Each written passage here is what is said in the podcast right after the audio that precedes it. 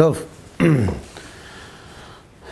אנחנו לומדים בהקדמה לספר הזוהר לרבי יהודה לייב הלוי אשלג, זכר צדיק לברכה, ואנחנו עסוקים בעבודת האדם ובבניין הנפש שלו על פי המדרגות של דומם, צומח, חי ומדבר שהזכרנו בשיעורים הקודמים. למדנו שכאשר האדם נולד, מצויה בליבו נקודה, שהיא קרויה אחוריים דאור הנפש, כלומר הפוטנציאל שאיתו האדם מחובר אל אותם עולמות רוחניים של עשייה, יצירה, בריאה וכולי, שהם אמורים להעלות, כלומר להביא את האדם למדרגה שהאור האלוהי מאיר בתוך הספירות שעליהם הנשמה שלו מלבישה. אני חוזר קצת, אחורה, קצת לאחור, כיוון שיש לנו כאן צורך לחבר את הדברים, אז מה שכבר למדנו בשיעורים הקודמים נקרא, ואחר כך נתקדם. ומטרם י"ג שנה, כותב בעל הסולם עליו השלום, לא יצויר שום גילוי אל הנקודה שבליבו. כלומר, אותו פוטנציאל שמחבר את האדם אל המימד הרוחני קיים באדם, אבל לא בא לידי ביטוי. אלא לאחר י"ג שנה, דהיינו, כשמתחיל לעסוק בתורה ומצוות, אפילו בלי שום כוונה. כל זה למדנו כבר. דהיינו, בלי אהבה ויראה כראוי למשמש את המלך. גם אפילו שלא לשמה. ואז, כשהוא מתחיל לעסוק בתורה ובמצוות, מתחילה הנקודה שבליבו להתגדל, והסברנו בשיעור הקודם מה הכוונה, ולהראות פעולתה, כי מצוות אינן צריכות כוונה. ואפילו המעשים בלי כוונה, וזה חידוש גדול לכאורה בשיטתו של בעל הסולם, אנחנו אה, אולי נבין קצת יותר את ההבדל בהמשך.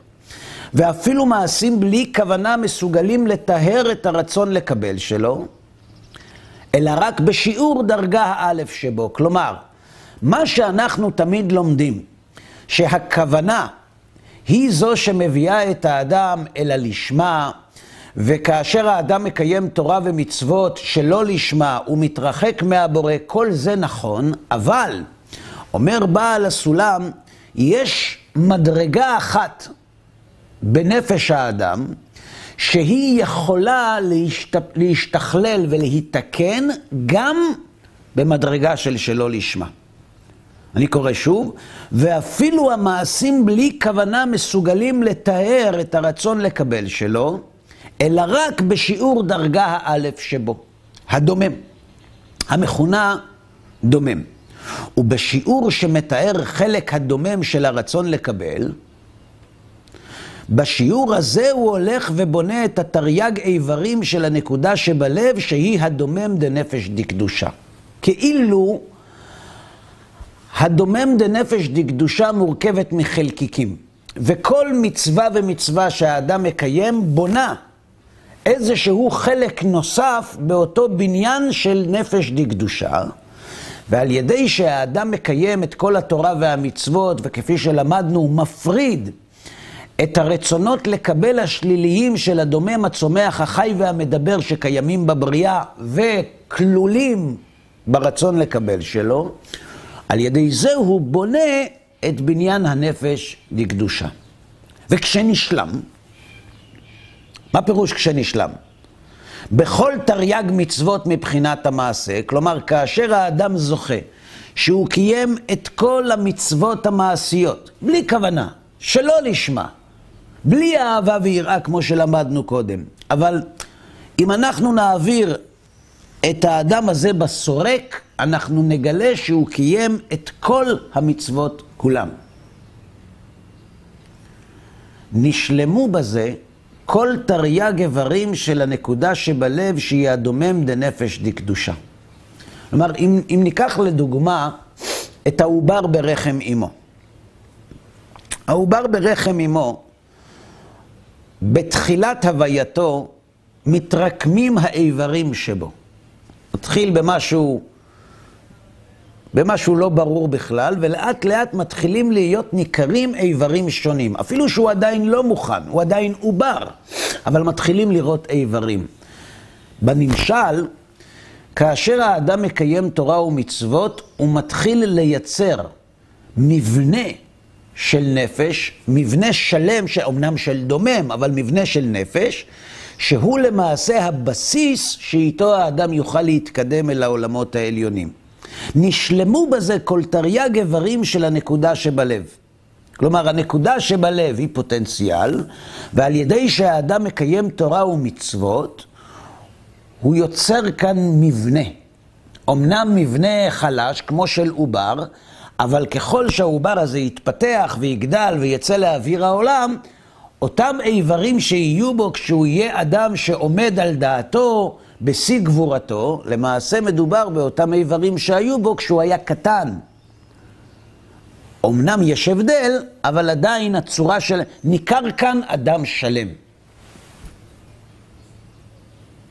ושסה גידיה הרוחניים של הנפש נבנים על ידי קיום שס"ה מצוות לא תעשה, עד שנעשית לפרצוף שלם דנפש דקדושה, ואז הנפש עולה ומלבשת את ספירת המלכות אשר בעולם העשייה הרוחני.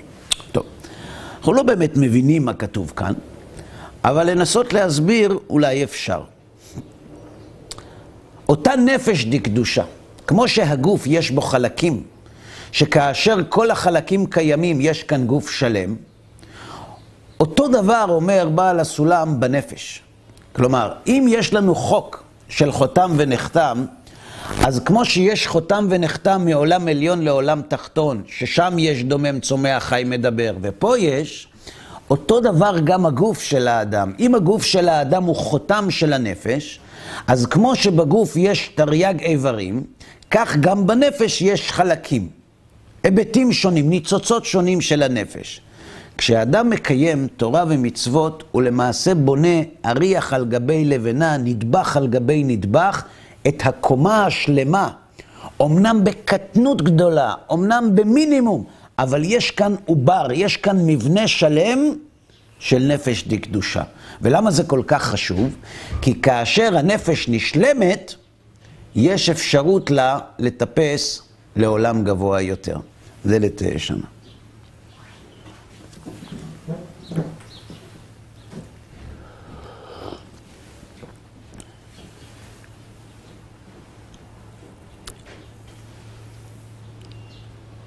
עד שנעשית לפרצוף שלם דנפש דקדושה, ואז הנפש עולה ומלבשת את ספירת המלכות אשר בעולם העשייה הרוחני.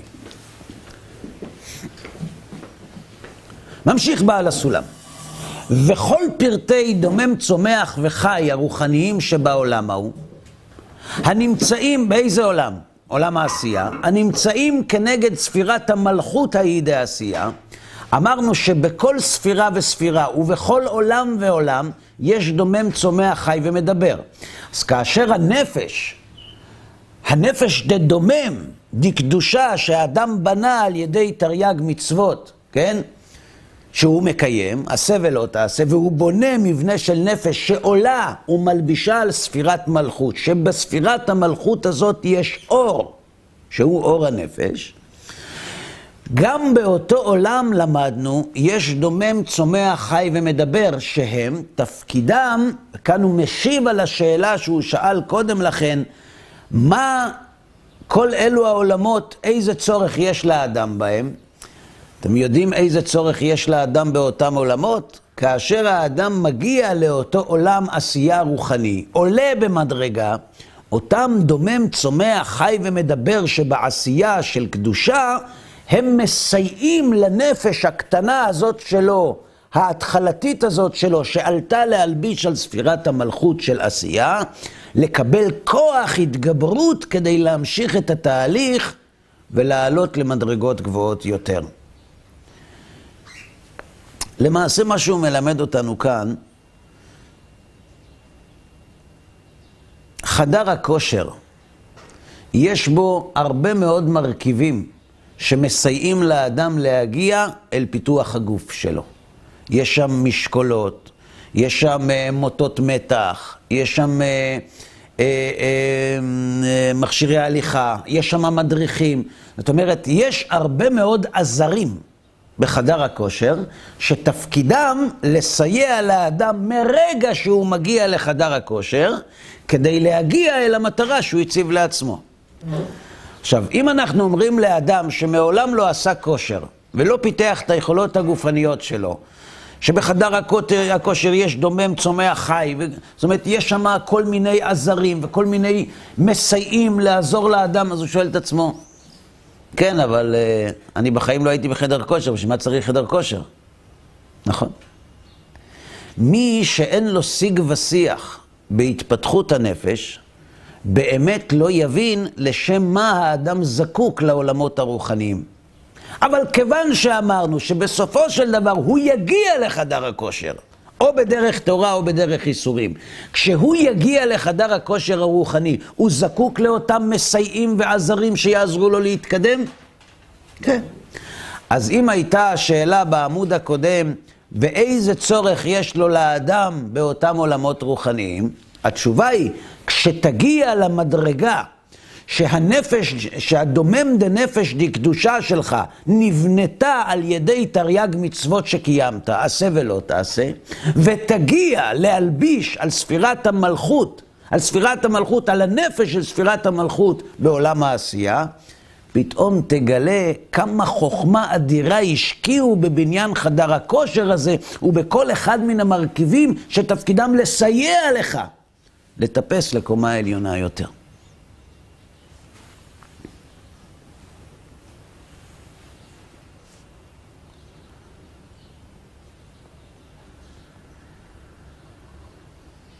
וכמו שאמרנו, שתכף עם לידת גופו של האדם, נולדה ומתלבשת בו נקודה מאור הנפש. אור הנפש, שמאיר בספירת המלכות של עולם העשייה, נקודה ממנו, חלקיק ממנו, נטמן באדם ברגע שהוא נולד. אמנם אין לו ביטוי, כמו שלמדנו קודם, עד שהוא מגיע לי"ג שנים ומתחיל לקיים תורה ומצוות. כי אותה נקודה שבלב, מה בונה אותה? מה מפתח אותה? מה יוצר ממנה מבנה של אדם? המצוות. לכן כל עוד האדם לא מגיע לקיום תורה ומצוות, הוא לא שם לב לאותה נקודה שבלב. הוא לא שם לב, אם נחזור למשל של חדר הכושר. אתה שואל בן אדם, תגיד, אתה מודע לעובדה שיש לך שרירים? מה זה שרירים? אז אומרים לו, זה מה שמזיז את היד שלך, העצמות שלך איך זזות, משהו מזיז אותם, יש שרירים, מתכווצים, משתחררים. אה, כן, יפה. מתי הוא יהיה מודע לשרירים שלו? כשהם יכאבו. זאת אומרת שהוא יאמץ אותם. מתי האדם מתחיל להיות מודע לנקודה שבלב שבו?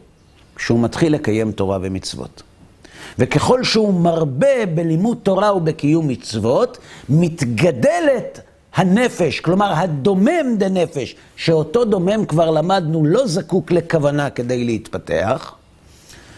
כמו שאמרנו, שתכף עם לידת גופו של האדם נולדה ומתלבשת בו נקודה מאור הנפש. כן, כאן. גם בקומה הזאת. איפה? באיזו קומה? כשהאדם הגיע להלביש על ספירת המלכות, כן, של נפש דעשייה, נולד לו פרצוף הנפש דקדושה, נולדת עימה גם נקודה ממדרגה עליונה ממנה. כלומר, בכל תהליך של עלייה, של התפתחות, נזרקת באדם נקודה מהמדרגה העליונה. זאת אומרת, אם יש לנו חוק חותם ונחתם, ואמרנו שכשאדם נולד הוא מקבל חלקיק, קרן אור, מההערה שיש בעולם שמעליו, כשהוא עולה קומה אחת, הוא זוכה לאותו אור של אותה קומה ולנקודה, להערה קטנה מהקומה שנמצאת מעליו. דהיינו מבחינת, בחינת האחרונה, מאור הרוח. אם אמרנו שבעשייה יש נפש, רוח, נשמה, חיה ויחידה, והוא מלביש על נפש דעשייה, אז איזה נקודת אור מאירה בו כשהוא מגיע לאותו מקום? אם הוא זוכה לאור הנפש, ומעל אור הנפש יש אור הרוח, אז נקודה מאור הרוח נכנסת בו כדי לסייע לו לטפס אל הקומה העליונה יותר, כמו שאור הנפש של דומם נכנסה בו כשהוא נולד כדי להביא אותו להלביש על עולם העשייה. עד כאן זה ברור? היא גם דומם בקומה העליונה, זה עדיין כן, דומם. בוודאי.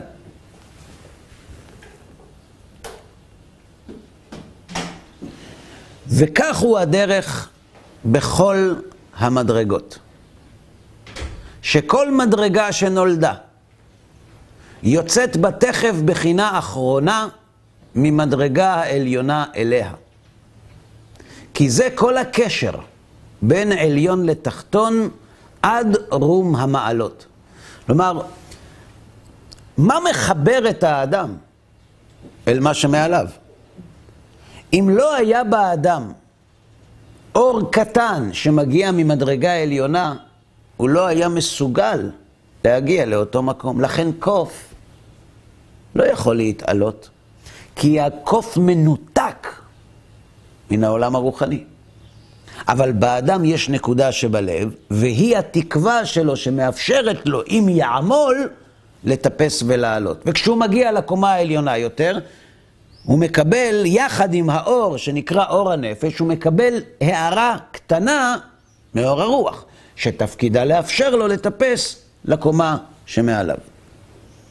כי זה הקשר בין עליון לתחתון עד רום המעלות. וכן בסגולת נקודה זו שיש בה מהעליונה, היא נעשית מסוגלת לעלות למדרגה עליונה ואין כאן מה להוסיף. כלומר, המבנה ברור, תה, התהליך של התזוזה של האדם. אז אם אנחנו רוצים לעצור כאן ולשאול, כדי שהאדם יתחיל להתפתח ולחוות ולהשיג את האור האלוהי שהקדוש ברוך הוא מבקש להשפיע על הנבראים, למה הוא צריך? מצוות לא לשמה. לקיים מצוות. ברור? לקיים מצוות אפילו בלי כוונה. בלי כוונה, אפילו שלא לשמה, נכון? אלא שכאן יש שאלה גדולה. אנחנו למדנו שאנשים שעוסקים בתורה, התורה יכולה להפוך להם לסם המוות. למה היא הופכת להם לסם המוות? כי הם לומדים תורה על מנת לקבל. כאן, כשאדם מקיים תורה ומצוות, הוא מקיים אותם על מנת להשפיע או על מנת לקבל? קבל. על מנת לקבל. אם הוא, מק... אם הוא מקיים תורה ומצוות על מנת לקבל, הוא מתקן משהו? הוא מתעלה? הוא הרי מתרחק יותר. אבל זה אחוריים בקדושה, לא? שמה גם ב... גם שזה לקבל, אם הוא מאמין בבורא יתברך, אבל פה לא כתוב בלי כוונה. בלי אהבה ויראה. אבל פעם שעברה, בלי אהבה, אבל הוא מאמין בו. זאת אומרת, הוא יודע שיש לו בסופו של דבר מטרה לעבוד את הבורא, הוא עושה את זה... כן, אבל שלא לשמה. שלא מתוך שלא לשמה, יכול לשמה. הוא לא מתכוון להגיע ללשמה. אולי כי זה בדומם, אז אולי זה בסדר. אמרנו שבסוף הוא יבקש את זה כצדקה ולא כמתנה. אז למדנו בשיעור הקודם, ולכן חשוב להזכיר את זה. יש כאן תוספת של בנו של בעל הסולם, רבי ברוך שלום, זיכרונו לברכה, והוא כותב ככה: היינו, הוא רואה שאינו יכול לקיים לשמה, משום שהרצון לקבל לא מרשה לו. הוא בא, רוצה להתחיל לקיים מצוות. שואל, תגיד, איך צריך לקיים מצוות? אומרים לו, תקשיב, איך צריך לקיים? לעשות נחת רוח ליוצרנו. שלא על מנת לקבל פרס, או על מנת שלא לקבל פרס. שומע את זה, מקבל הלם. אומר, איך אפשר לעשות דבר כזה? רצון לקבל שלו לא מרשה לו. אז מה הוא עושה? מקיים תורה ומצוות כדי שזה יביא לו טוהר הרצון לקבל.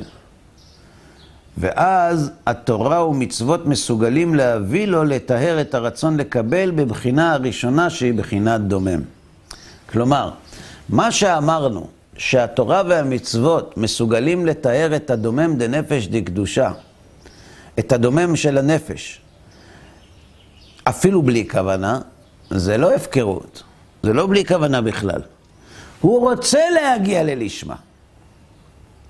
הוא רוצה, אבל הוא לא יכול. כשאדם רוצה ולא יכול ומקיים תורה ומצוות כשהוא רוצה ולא יכול, אז גם אם הוא מקיים את התורה והמצוות שלא לשמה, כיוון שהרצון שלו זה להגיע ללשמה, אפילו השלא לשמה, את הנפש דקדושה מתקן. זה מה שהוא מלמד כאן, בסדר? ואור הנפש הזה מכונה בשם אור הדומם דקדושה דעולם עשייה. מה הכתובת הזאת? דומם דקדושה דעולם עשייה. למה? למה זה דומם? כי זה החלק הנמוך ביותר. למה דקדושה? כי יש גם טומאה. ולמה של עולם העשייה? כי עולם העשייה זה העולם הנמוך ביותר. אז העלייה הראשונה של האדם, כשהוא מקיים תורה ומצוות ומתקן את הדומם דנפש דקדושה, הוא מלביש על המקום שבו מאיר אור הנפש דקדושה בעולם העשייה. והוא להיותו מכוון נגד הטהרה של חלק הדומם. אדם תיקן חלק הדומם? אם הוא תיקן את חלק הדומם, על מה הוא מלביש? לאיזה אור הוא זוכה? של חלק הדומם. ונקודה מן הצומח, מן הרוח. וכן פעולת הערתה ברוחניות דומה לבחינת מין הדומם שבגשמיות. למה קוראים לזה דומם? למה להערה הנמוכה שם קוראים דומם? שאין לו תנועה פרטית, כמו בעולם הזה, לדומם אין תנועה פרטית לחלקיו, אלא רק תנועה כוללת, מקיפה, לכל הפרטים בשווה. כן האור של פרצוף הנפש דעשייה, אף על פי שיש בו תרי"ג איברים, שהם תרי"ג מיני שינוי צורות בדרכי קבלת השפע, מכל מקום אינם ניכרים בו אלה השינויים, אלא רק אור כולל, שפעולתו מקיפה את כולם בשווה בלי הכר הפרטים שבו. תראו, אני יכול לקרוא את זה עוד פעמיים, אבל זה לא יעזור. זה לא יעזור מסיבה פשוטה, רק מי שעשה את התהליך הזה, יזדהה ויבין את ההפרשים בין הערה להערה. מה הוא אומר? למה לאור הנפש קוראים דומם דקדושה? למה קוראים לזה דומם? כי זה מתאים? כי כמו שבעולם החומר, לדומם אין תנועה פרטית, אין בו הבחנה פרטית, אלא תנועה כוללת ומקיפה לכל הדוממים, כך גם במימד הרוחני, האור בדרגתו הנמוכה ביותר, לא נותן לך הבחנים גדולים, אלא הבחן אחד וזה הכל, למרות שהוא מורכב גם הוא מתרי"ג חלקים. התקדמנו? לא. אז ננסה, ננסה להסביר את זה כך. כשתינוק נולד, הוא רואה? אה? מה אתם שותקים? אתם לא זוכרים? לא רואה, טושטש. לא זוכרים. מטושטש הוא רואה. הוא כמעט לא רואה כלום. הוא בקושי מסוגל להבחין בין אור לחושך. ולאט לאט העסק מתחיל להתבהר. אור, חושך, בין ערביים, צורות, ולאט לאט חוש הראייה מתחדד. האם זה ברור? למה זה כך? כי יש חוק חותם ונחתם. כמו שבעולם הרוחני, כך בעולם הגשמי. יש כאלה שאומרים הפוך. כמו שבגשמי, כך ברוחני. זה תלוי. אם הגשמי קודם לרוחני, אז הוא צודק. אבל כיוון שהגשמי נשתלשל מן הרוחני, ובמימד הרוחני, כל תהליך של התחלה מגיע כחבילה אחת שלאט לאט מתבהרת, לכן גם בעולם החומרי אותו דבר.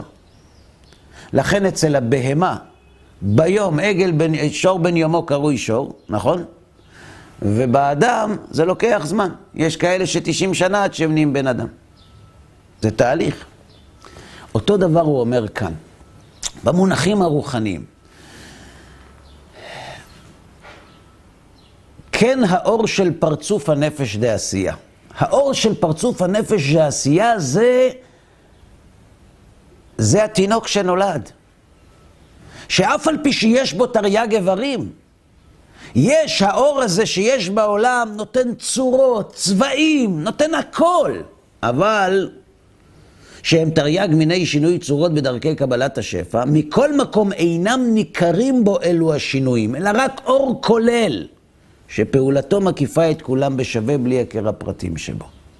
כלומר, מדובר,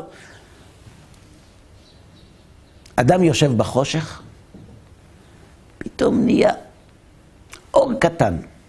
האור הקטן הזה מאפשר לו לראות את המרחב, אבל לא להבחין בפרטים. הוא לא רואה את העצים, ולא את השיחים, ולא את הציפורים. הוא לא רואה כלום, הוא, רק רואה שיש משהו. וככל שמאיר יותר היום, הוא מתחיל להבחין בין תכלת ללבן, בין תכלת לקרטי, הוא מתחיל להבחין בכל החפצים ובכל המרכיבים שהעין מסוגלת לראות. לכן אור הנפש נקרא בלשון מושאלת אור הדומם דנפש דקדושה. בסדר? בסדר? כאילו גם אם לא בסדר, אין יותר מה להוסיף. כאן בעל הסולם מזהיר אותנו. רגע, אז יש כל מיני סוגים, יש אור כזה ויש אור כזה, זה ממש סימפוניה. לא, לא. ודע, אף על פי שהספירות הן אלוקיות, ואין בהן שום שינוי והבדל מראש הכתר שבעולם אדם קדמון עד סוף ספירת המלכות שבעולם העשייה. מכל מקום יש הבדל גדול כלפי המקבלים, כי הספירות נבחנות לאורות וכלים. והאור שבספירות, המילוי הוא אלוקיות גמורה. אבל הכלים הנקראים כתר חוכמה, בינה, תפארת ומלכות שבכל עולם, מג' עולמות התחתונים הנקראים בריאה, יצירה ועשייה, אינם בחינת אלוקיות, אלא הם בחינת כיסויים המעלימים אור אינסוף ברוך הוא שבתוכם. ומודדים קצבה ושיעור אל הערתו כלפי המקבלים, שכל אחד מהם יקבל רק לפי שיעור הטהרה שבו. מה הוא רוצה לומר כאן? הוא אומר, כשאנחנו אומרים אור הנפש, אור הרוח, אור הנשמה, אור החיה, אור היחידה, אתה יכול להתבלבל. כאילו יש בבנק כמה ערוצים של אורות, כמה ערוצים של שפע, אז אל תתבלבל. תקשיב. בכל העולמות הרוחניים יש ספירות. ספירות אלו הכלים שבתוכם מאיר האור, שהנשמה מלבישה עליהם. כלומר, הנשמה מלבישה על הספירה, ובספירה יש אור. האור, אור הנפש, אור הרוח, אור הנשמה, אור החיה ואור היחידה, זה לא אורות נמוכים ואורות גבוהים עם המפסק ברכב. חס ושלום. זה אור אחד. הערה שהקדוש ברוך הוא מאיר לעולם. אז למה קוראים לזה אור הנפש, ולזה אור הרוח, ולזה אור הנשמה, ולזה אור החיה, ולזה אור היחידה? זה בגלל הספירות שבהם האור מאיר. כשהאור מאיר בספירת הכתר, קוראים לזה יחידה. כי זו הערה גדולה. כשהוא מאיר בספירת המלכות, שהיא עבה מאוד, כביכול, אז קוראים לזה אור הנפש. זה אותו אור.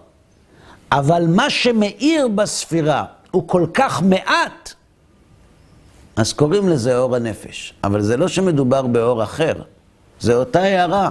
אותה הערה אלוהית שמאירה בספירת הכתר, מאירה בספירת המלכות. אלא כביכול, כביכול הדופן של כלי המלכות, הדופן עבה יותר, ולכן היא מאירה פחות לנשמה.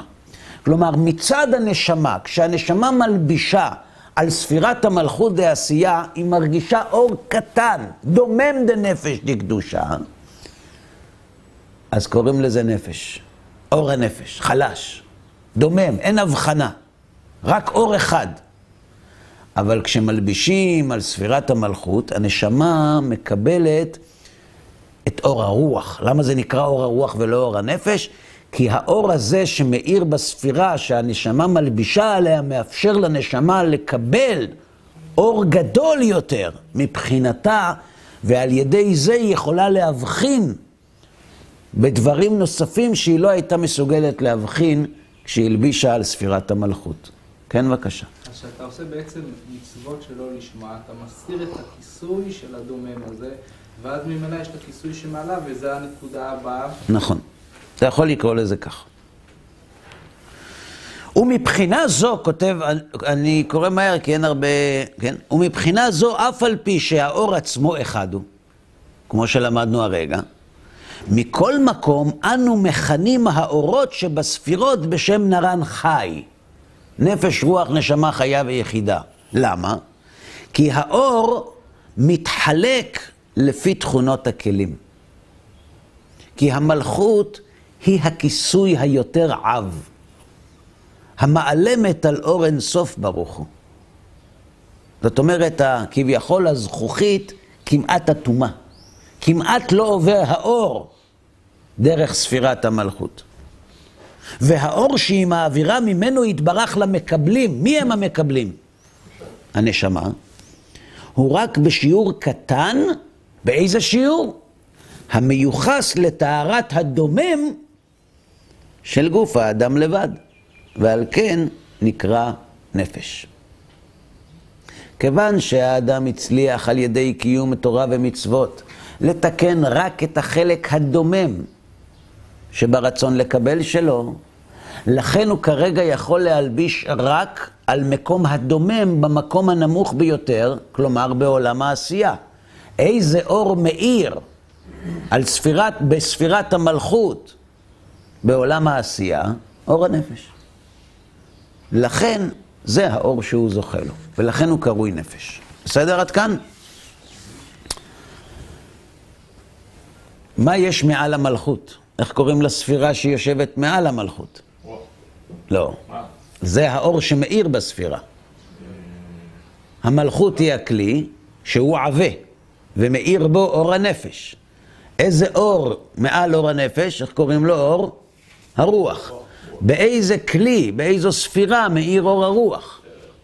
אה? תגיד. תפארת.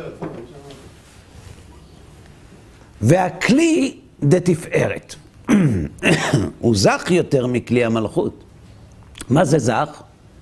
האור שעובר דרכו אל הנשמות הוא גדול יותר. והאור שהוא מעביר מאינסוף ברוך הוא, מיוחס לטהרת חלק הצומח דגוף האדם. כלומר, חלק נוסף ברצון לקבל של האדם שהוא כנגד הצומח. כי פועל בו יותר מאור הנפש, ונקרא אור הרוח. וכלי, איזו ספירה יש מעל התפארת? בינה. בינה. וכלי דבינה יותר זך מתפארת, והאור שהוא מעביר מאינסוף ברוך הוא מיוחס לטהרת חלק החי שבגוף האדם, ונקרא אור הנשמה. והכלי דחוכמה, שהוא מעל הבינה, זך מכולם. והאור שהוא מעביר מאינסוף ברוך הוא מיוחס לטהרת חלק המדבר שבגוף האדם, ונקרא אור החיה, שלפעולתו אין שיעור, כמו שהתבהר לפנינו. עד כאן בסדר? מצוין. אז הוא למעשה בנה לנו מבנה איך האדם עולה ומלביש מספירת המלכות של עשייה עד ספירת החוכמה של עשייה. כשאדם מטהר את הבחינה של הדומם ברצון לקבל שלו, על מה הוא מלביש? על איזו ספירה בעולם העשייה?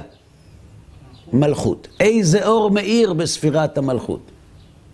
דומם דנפש דקדושה. איך קוראים לו? אור הנפש. ואז הוא מקבל את אור הנפש ונקודה מאור הרוח. אור הרוח, באיזו ספירה הוא מתלבש בעולם העשייה? תפארת. כנגד הצומח. נכון? וכשהאדם עולה הוא מלביש גם על ידי שהוא מתקן את חלק הצומח שברצון לקבל שלו, הוא מלביש על ספירת התפארת בעולם העשייה שהיא כנגד הצומח. ואיזה אור מאיר בו? אור הרוח. ואיזו נקודה נכנסת יחד עם אור הרוח כשהוא במדרגה הזאת? אור הנשמה. ואז הוא מתקן את חלק החי שברצון לקבל שלו, והוא זוכה לעלות ולהלביש על ספירת הבינה שבעולם העשייה, ששם איזה אור מאיר? אור הנשמה. בסדר? ואיזו נקודה נכנסת יחד עם אור הנשמה? אור החיה, שהיא, ההערה הזאת מאירה בספירת החוכמה, שעל ידי שאדם מתקן את חלק המדבר שברצון לקבל שלו, הוא זוכה להלביש על ספירת החוכמה שהיא כנגד המדבר שבעולם העשייה, והוא זוכה לאור החיה. וכך האדם משלים קומה של הנפש לקדושה, שיש בה דומם, צומח, חי ומדבר. שבכל מדרגה ומדרגה וכנגד כל ספירה וספירה יש דומם, צומח, חי ומדבר שתפקידם לסייע לאדם שהגיע למדרגה הזאת לעלות אל המדרגה הבאה. וזה תפקידם של הדומם, צומח, חי ומדבר, שבכל עולם ועולם מהעולמות הרוחניים, שנועדו בסופו של דבר להביא את האדם אל תכלית הבריאה של להתענג על השם וליהנות מזיו שכינתו, וזהו הצורך של האדם בעולמות הרוחניים. בסדר? מצוין.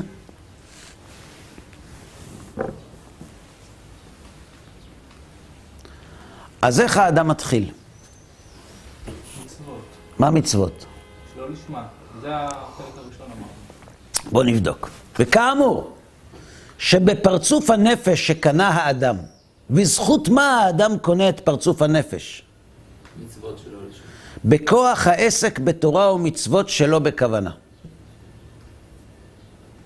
כבר מלובשת שם נקודה מאור הרוח.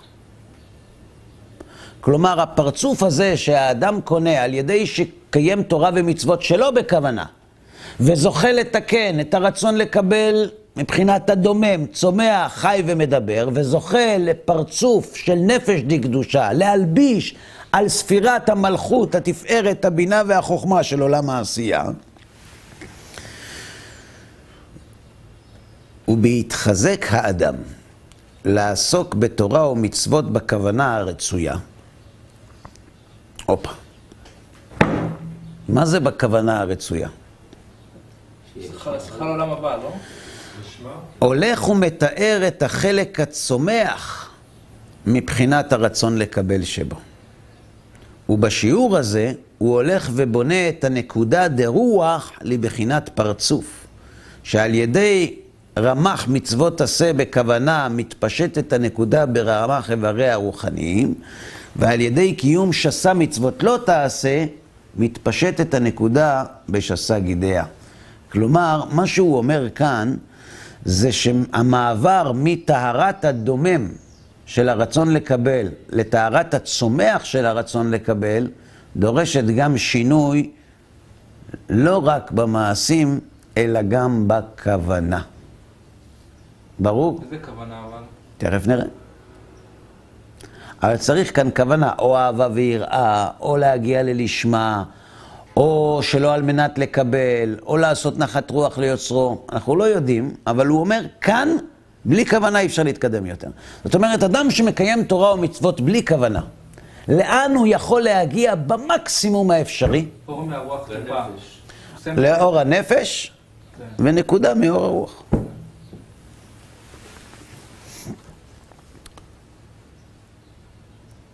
וכשנשלמת בתרי"ג האיברים כולם, מי? אותה נקודה שמאור הרוח, היא עולה ומלבשת את ספירת התפארת שבעולם העשייה הרוחני. כדי לעבור, הרי מה הוא מלמד אותנו כאן? כשאנחנו אמרנו שאדם עולה ממלכות לתפארת, לבינה ולחוכמה, על מה הוא מדבר? הוא מדבר על החלק הדומם בנפש דקדושה. תחזיקו את הראש רגע. בעולם העשייה הרוחני, שהיא הקומה שמעל המקום שבו אנחנו נמצאים. יש מלכות כנגד הדומם, תפארת כנגד בינה כנגד חי, וחוכמה כנגד מדבר. מה שלמדנו עד עכשיו זה על הנפש, דנפש, דקדושה, דעולם העשייה. ספירת המלכות, איזה אור מאיר בה? נפש. נפש. בספירת המלכות הזאת יש דומם, צומח, חי ומדבר. במלכות. וכשאדם מתקן את חלק הדומם שברצון לקבל שלו, איזה חלק באותה מלכות הוא מתקן? החלק הדומם. נפש, דנפש, דקדושה של עולם העשייה. יש כתובת? למה זה נקרא נפש דנפש? כי כל ספירת המלכות מאיר באור הנפש. אבל יש בספירת המלכות גם דומם, צומח, חי ומדבר. יש גם מלכות, תפארת, בינה וחוכמה. אז כשהאדם רוצה לתקן את הנקודה של הרוח, שניתנה בו על ידי שטיהר את חלק הדומם שברצון לקבל שבו, הוא צריך להתחיל לתקן את חלק הצומח שברצון לקבל שבו, כדי להלביש על איפה? על צומח דנפש. תפארת שבספירת המלכות שבעולם העשייה. בסדר? וכשנשלמת בתרי"ג האיברים כולם היא עולה ומלבשת את ספירת התפארת שבעולם העשייה הרוחני, המעבירה לו מאינסוף ברוך הוא אור יותר חשוב הנקרא אור הרוח, שהוא מכוון לפי טהרת חלק הצומח שבגוף האדם. וכל פרטי דומם, צומח וחי שבעולם העשייה המתייחסים לקומת התפארת, כמו קודם, מסייעים לפרצוף הרוח של האדם לקבל האורות מספירת התפארת בכל השלמות. על דרך שנתבהר לאל באור הנפש, מחזיר אותנו לאחור. הוא מכונה משום זה צומח דקדושה. למה זה צומח? קודם אמרנו דומם, למה זה צומח?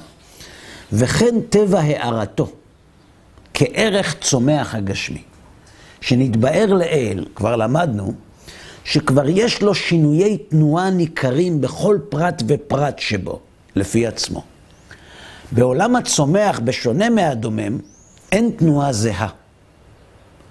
צמח אחד צומח יותר, צמח אחד צומח פחות. כלומר, מתחילים להבחין ייחודיות בין כל פרט ופרט בעולם הצומח. כן אור הצומח הרוחני, התינוק כבר ותיק יותר בעולם שלנו. הוא לא רק מזהה חושך או אור, הוא מתחיל לראות עצמים, מטושטשים, אבל מתחיל לראות. כבר כוחו גדול להאיר בדרכים מיוחדים לכל איבר ואיבר מתרי"ג האיברים שבפרצוף הרוח, וכל אחד מהם מראה כוח פעולה מיוחס לאותו עבר. וגם, כמו שלמדנו קודם, עם יציאת פרצוף הרוח יצאה עמו נקודה של המדרגה העליונה ממנה, שנקראת נקודה של אור. איזה אור? הנשמה. שהיא מתלבשת בפנימיותו של אור הרוח. אתם בסדר? נמשיך לטפס. ועל ידי העסק, אז עד עכשיו למדנו, יש ככה, יש תורה ומצוות בלי כוונה. יש תורה ומצוות עם כוונה. ואם אדם רוצה לעלות מפרצוף הרוח לפרצוף הנשמה בעולם העשייה, מה הוא צריך לעשות? אם הוא רוצה לבנות פרצוף הנשמה, כוונה. כוונה כבר היה לנו בפרצוף הרוח. אה, לבטל את הרצון. ועל ידי העסק בסודות התורה ובטעמי המצוות, הוא מטהר חלק החי מהרצון לקבל שבו. ובשיעור הזה הולך ובונה את נקודת הנשמה המלובשת בו ברמ"ח איבריה ושסה גידיה. מי שרוצה לזכות לנשמה, חייב לעסוק בסודות התורה. רגע, והוא, אם הוא לא, לא למד, זה לא קרה כלום. לא קרה כלום. בעזרת השם, יתקן, דומם דנפש דקדושה, צומח דנפש דקדושה. זו מדרגה גבוהה מאוד. אבל לנשמה דנפש דקדושה לא יגיע. ככה הוא כותב.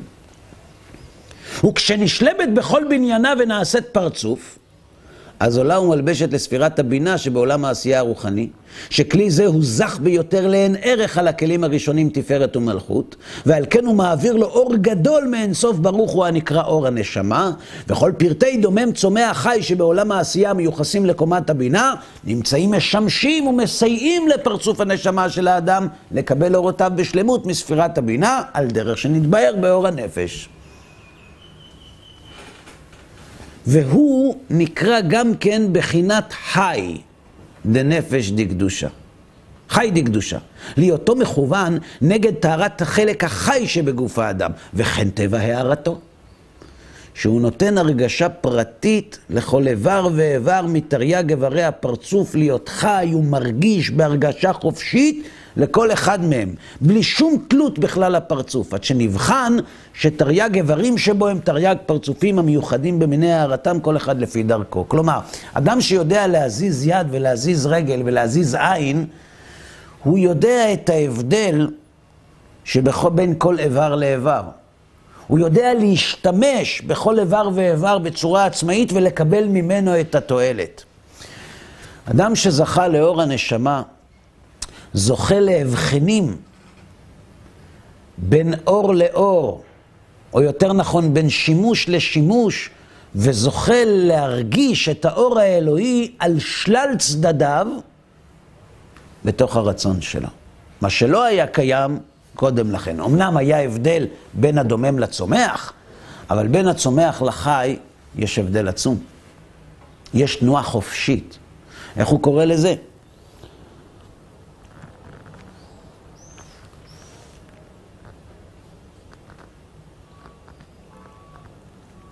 שהוא נותן הרגשה פרטית לכל איבר ואיבר.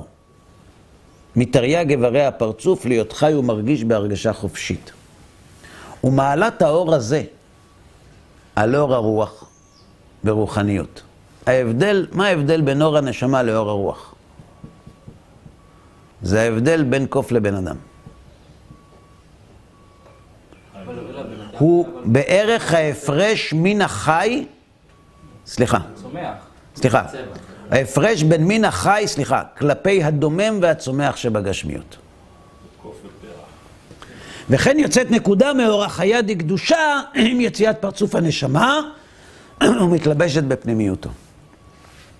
ואחר שכבר זכה באור הגדול ההוא, הנקרא אור הנשמה, אשר תרי"ג האיברים שבפרצוף ההוא כבר מאירים לכל אחד, מכל אחד מהם באור שלם ובעיר המיוחד לו כמו פרצוף מיוחד לעצמו, אז נפתח לו הפתח לעסוק בכל מצווה ומצווה על פי כוונה אמיתית שבה. כי כל איבר של פרצוף הנשמה מאיר לו את דרכי כל מצווה המיוחסים לאותו איבר בכוחם הגדול, של אורות ההם, והוא הולך ומתאר את חלק המדבר שברצון לקבל שלו, ומהפכו לרצון להשפיע. ובשיעור הזה הולכת ונבנית הנקודה של אור החיה המלובשת בו ברמ"ח איבריה. כלומר, כמו שקיום תורה ומצוות שלא לשמה, זו, זה, בוא נקרא ככה, זה אי כוונה אחת בכל המצוות. ולעומת זאת, כשאדם מקיים תורה ומצוות כנגד הצומח, שהוא מכוון כוונה אחת בכל המצוות, לעשות נחת רוח ליוצרו. וכמו שהוא עולה למדרגה גבוהה יותר, שהיא כנגד החי שברצון לקבל, שבו הוא עוסק בסודות התורה ולומד על כל מצווה ומצווה את הטעם שלה, כשהוא מגיע למדרגה העליונה יותר, הוא זוכה על ידי האור שמקבל באותה קומה להבין סודה של כל מצווה ומצווה ולכוון בה הכוונה המיוחדת לה, ועל ידי כך הוא זוכה לזון כל חלק וחלק במבנה הרוחני שאותו הוא קיבל. טוב, גם את זה צריך להבין. עד כאן להיום. Thank you.